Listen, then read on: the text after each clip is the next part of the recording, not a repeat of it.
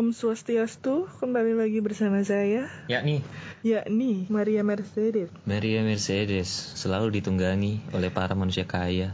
serta tentara nikah. Tentara Nica. Kok ditunggangi nikah, Cok? Oh, oh iya ya, baru tahu.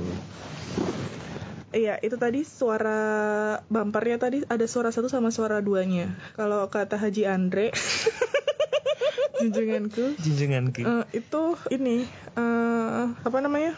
Orang yang punya musikalitas itu yang bisa nyanyi langsung otomatis suara dua gitu, kayak gitu. Oh, jadi Hmm. yang musikalitas yang paling tinggi itu yang bisa tiba-tiba langsung suara dua gitu ya? Itu menurut Haji Andre. Menurut Haji Andre. Andreas Tauladan. Andreas Tauladan. Eh, bukannya tahu Sumedang? Kurang lucu. Kalau kurang lucu saya ganti pemain nih Udah amat nanti. nanti. Oke, jadi di episode kali ini kita membahas apa nih? Kemarin itu kan kita bahas pendidikan. Sebenarnya nggak pendidikan doang sih, buset banyak banget. Iya karena ya maklum ya kayak Maklum ya. emang orang terdidik tuh emang harus ngomong yang cerdas-cerdas gitu. cerdas-cerdas dan out of the box. Jadi emang semua topik tuh kita hajar. Iya sebagai anak milenial kan kita butuh breakthrough ya. Butuh breakthrough. Butuh breakthrough dan Butuh kayak breakthrough. Buset dah, gue emang demen banget sama Boy William tuh emang dia breakthrough. Hmm. Neti, eh, breakout deh. Aku juga suka banget sama yang itu the band apa sih yang break event itu pokoknya ujungnya aku mau break event gitu tapi aku nggak tahu itu bandnya Break point. bukan yang I'm still alive and I'm finally free. Oh, when still got that I don't believe it. Eh, She got love and she got freedom. when a heart breaks, no it don't break even. Jadi ini kita Nasar dan Saiful Jamil. Masih seperti mati lampu, ya sayang. Seperti mati lampu. Gak kerekam dong. Cintaku padamu, ya Ya sayang. cintaku padamu deng deng deng. Emang kayaknya kita butuh home band coy. Iya nanti kita uh, sewain orkes Sewain orkes kita pensil alis. Orkes pensi alis kita sewa sekaligus kita juga sewa pengacara kali ya. Omongan kita kayaknya terciduk nanti terciduk. Oh saudara aku ada yang pengacara pakai pakai om aku aja. Pakai om kamu? Iya. Oh, enggak. Em- emang keluarga aku tuh kayak gitu. Kan gitu kan kalau Iya, iya. orang kaya pasti kayak gitu. Nggak nggak apa-apa, pakai bokap gue aja. Pakai pakai pakai aja bokap gua. gitu. Nggak nggak tenang aja bokap gue. Hmm. Polwan. Sajane Gak lucu. Tapi itu kayak udah jokes yang Jokes 90s. Apa ya? Universal. Jokes kodian kalau kata stand up ah, comedy. bodo amat. Ya bodo amat. Jadi eh, kita pantau lalu lintas hari ini ya teman-teman di depan sekolah tinggi manajemen asuransi terpantau ramai lancar. Ini padahal sedang masa corona ya. Tapi nggak apa-apa kita lihat mobil-mobilnya tidak ada yang berdempet-dempetan. Jadi mereka ada jarak ya satu sama lain. Kelihatan bodohnya. Mobil kan nggak butuh physical distancing. Aku mau melanjutkan dong sebagai pendidik dan emang kata Anies Baswedan itu adalah kewajiban seorang terdidik untuk mendidik. Oke. Seperti itu.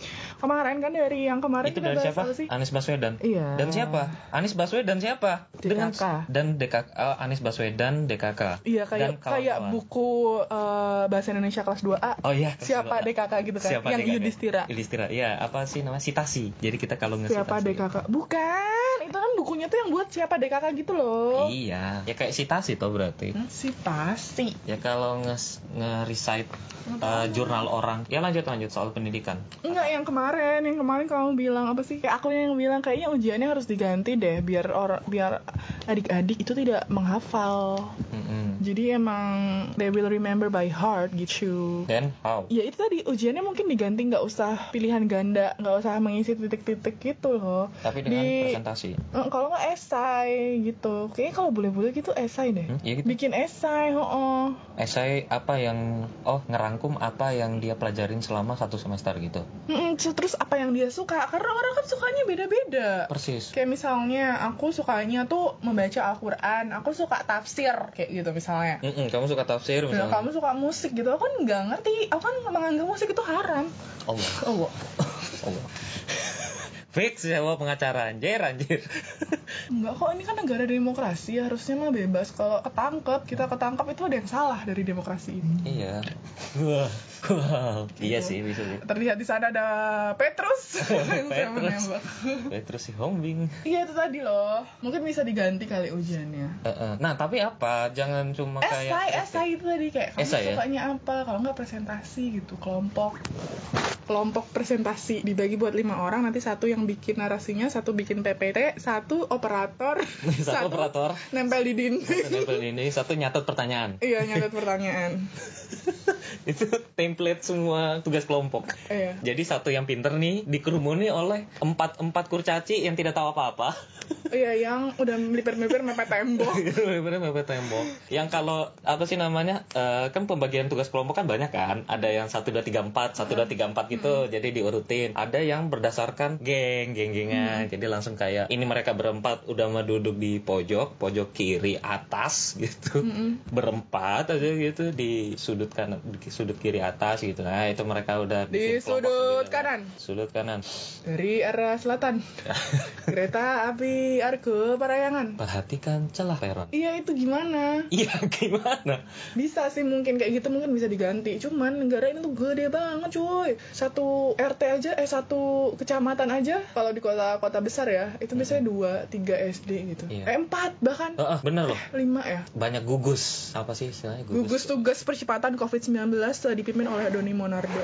wow Wow. sekaligus itu ya anda ya promosi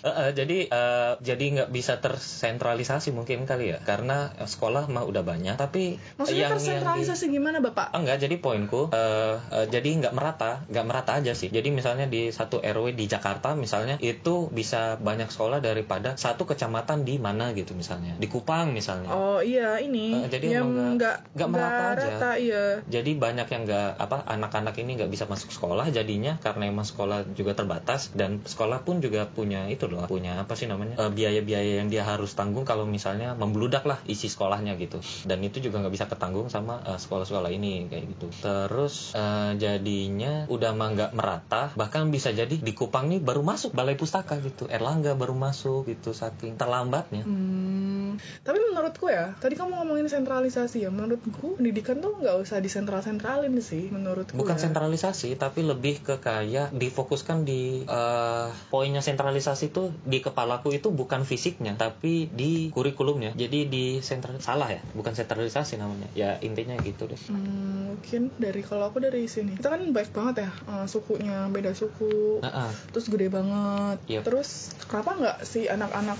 sekolah ini belajar dari yang lingkup terkecilnya dulu kayak di kampungnya tuh ada sungai apa sungainya itu tuh dari mana misalnya kayak oh dari Hmm. Gunung Merbabu sekolah Oh alam. iya Gunung Merbabu tuh ini ini. Jadi dari situ aja gitu loh. Terus kita misalnya kita tuh komoditas komoditas kita terbesar itu apa? Padi. Oh iya, gimana sih cara nanam padi? Gitu-gitu dulu gitu. Jangan tiba-tiba langsung belajar tentang civil war. Iya, karena mereka pasti nggak relate. Mm-mm. Terus kayak misalnya mungkin bisa dimulai nih yang gampang-gampang kayak soal, soal PPKN gitu. Oh. Dari narasi-narasinya tuh dari narasi-narasi lokal gitu. Jangan dari Jakarta. Hmm. Ngerti nggak? Ngerti, ngerti, ngerti. Jadi kan soalnya selama ini pembuat soal itu satu kan. Iya. Dari pusat tuh. Oke, paham. Itu sentralisasi yang salah tuh. Itu salah tuh. sebenarnya saya nggak nangkep sih apa yang anda mau tadi tapi ya sudah tidak apa-apa Mm-mm. tapi kayak gitu terus yang kedua kapasitas pengajar Iya, perlu ditingkatin lagi. di daerah berapa sih guru makanya si Anies Baswedan tuh bikin bukan Anies Baswedan sebenarnya Iya, Indonesia Iya Mengajar Indonesia mengajar Indonesia ada program Indonesia mengajar terus ada guru garis depan dari Kemendikbud Iya, banyak lah. Ngirim-ngirim- Ruang seribu guru apa? Yang seribu guru itu apa? ya seribu guru ya Iya, heeh. Banyak kok. Gerakan-gerakan kayak Ah, gitu. makin ke sini kan makin milenial kan hal-hal yang berbau kiri tanda kutip itu kan Hmm. makin seksi aja gitu kan jadi kayak ngebantu yang apa sih namanya yang tidak apa istilahnya tidak tidak punya kesempatan lebih kayak eh, teman-teman yang di kota misalnya kita bisa dibilang tuh kita dari daerah nih tapi kita bisa dibilang cukup beruntung gitu bisa dapetin pendidikan sampai eh, dalam titik ini padahal mungkin bukan kapasitas kita untuk ngomong pendidikan tapi kita bisa berani untuk eh, mengemukakan pendapat kita karena kita udah aware akan eh, pendidikan kayak gitu kita udah sampai di level di mana pendidikan itu bukan membentuk hal- pola pikir Iya membentuk pola pikir, membentuk mindset. Jadi mau pendidikan itu eh, yang bikin eh, yang sebenarnya penentu negara itu kaya apa enggak sebenarnya dari mindset rakyat-rakyatnya sih menurutku. Mindsetnya, sumpah mindset itu gold banget sih. Lebih gold dari gold anjay. Mindset itu sesuatu yang menentukan manusia itu jadi manusia apa enggak. Dan harusnya pendidikan itu tugasnya ke situ ya enggak sih? Si anak itu di embrace gitu. Dia itu harus tahu, Waluyo kamu itu anaknya Wahyudi Anaknya Wahyudi, bapak kamu itu tukang tukang tahu. kok tahu Makanya dia banyak tahu. Dari situlah si Walio akhirnya dia banyak tahu karena bapaknya tukang tahu asli Raceto. ya intinya dia perlu di embrace sih si Waluyo ini kalau si eh, kalau bapaknya itu Wahyudi dan ibunya Siti Aminah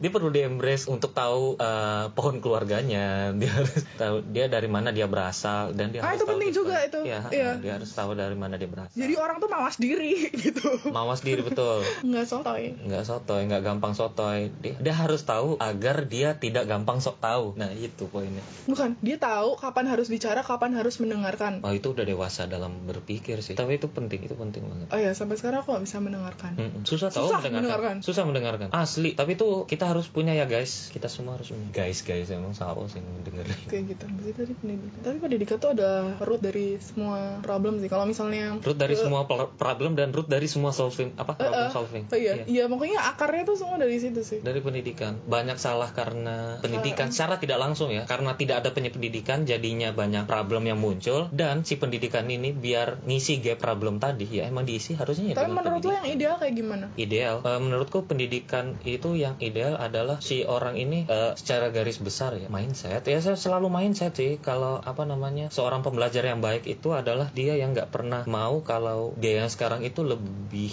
lebih buruk dari dia yang kemarin gitu. Dalam time range apa pun ya. Maksudnya dia dia dibanding dia yang tahun lalu. Jadi yang dia compare adalah dia apa as a proses gitu. Jadi bukan dia itu ngebandingin. Misalnya nih si Waluyo. Waluyo dia nggak apa-apa ranking 99 gitu. Asal dia compare sama dia yang tahun lalu dia ranking 100 menurutku itu dia apa sih? Eh, punya giant leap gitu daripada dia compare sama apa Siti Aminah yang ranking 1 Siti Aminah ibunya mohon maaf. Iya ya nggak apa-apa. Kan Mungkin, banyak. mungkin maksud anda Siti Badriah ya? Siti Badriah betul. Siti Badriah. Zaskia Gotik juga. Zaskia Gotik peringkat dua deh. Peringkat satunya siapa? Nah, saat Seperti mati lampu ya sayang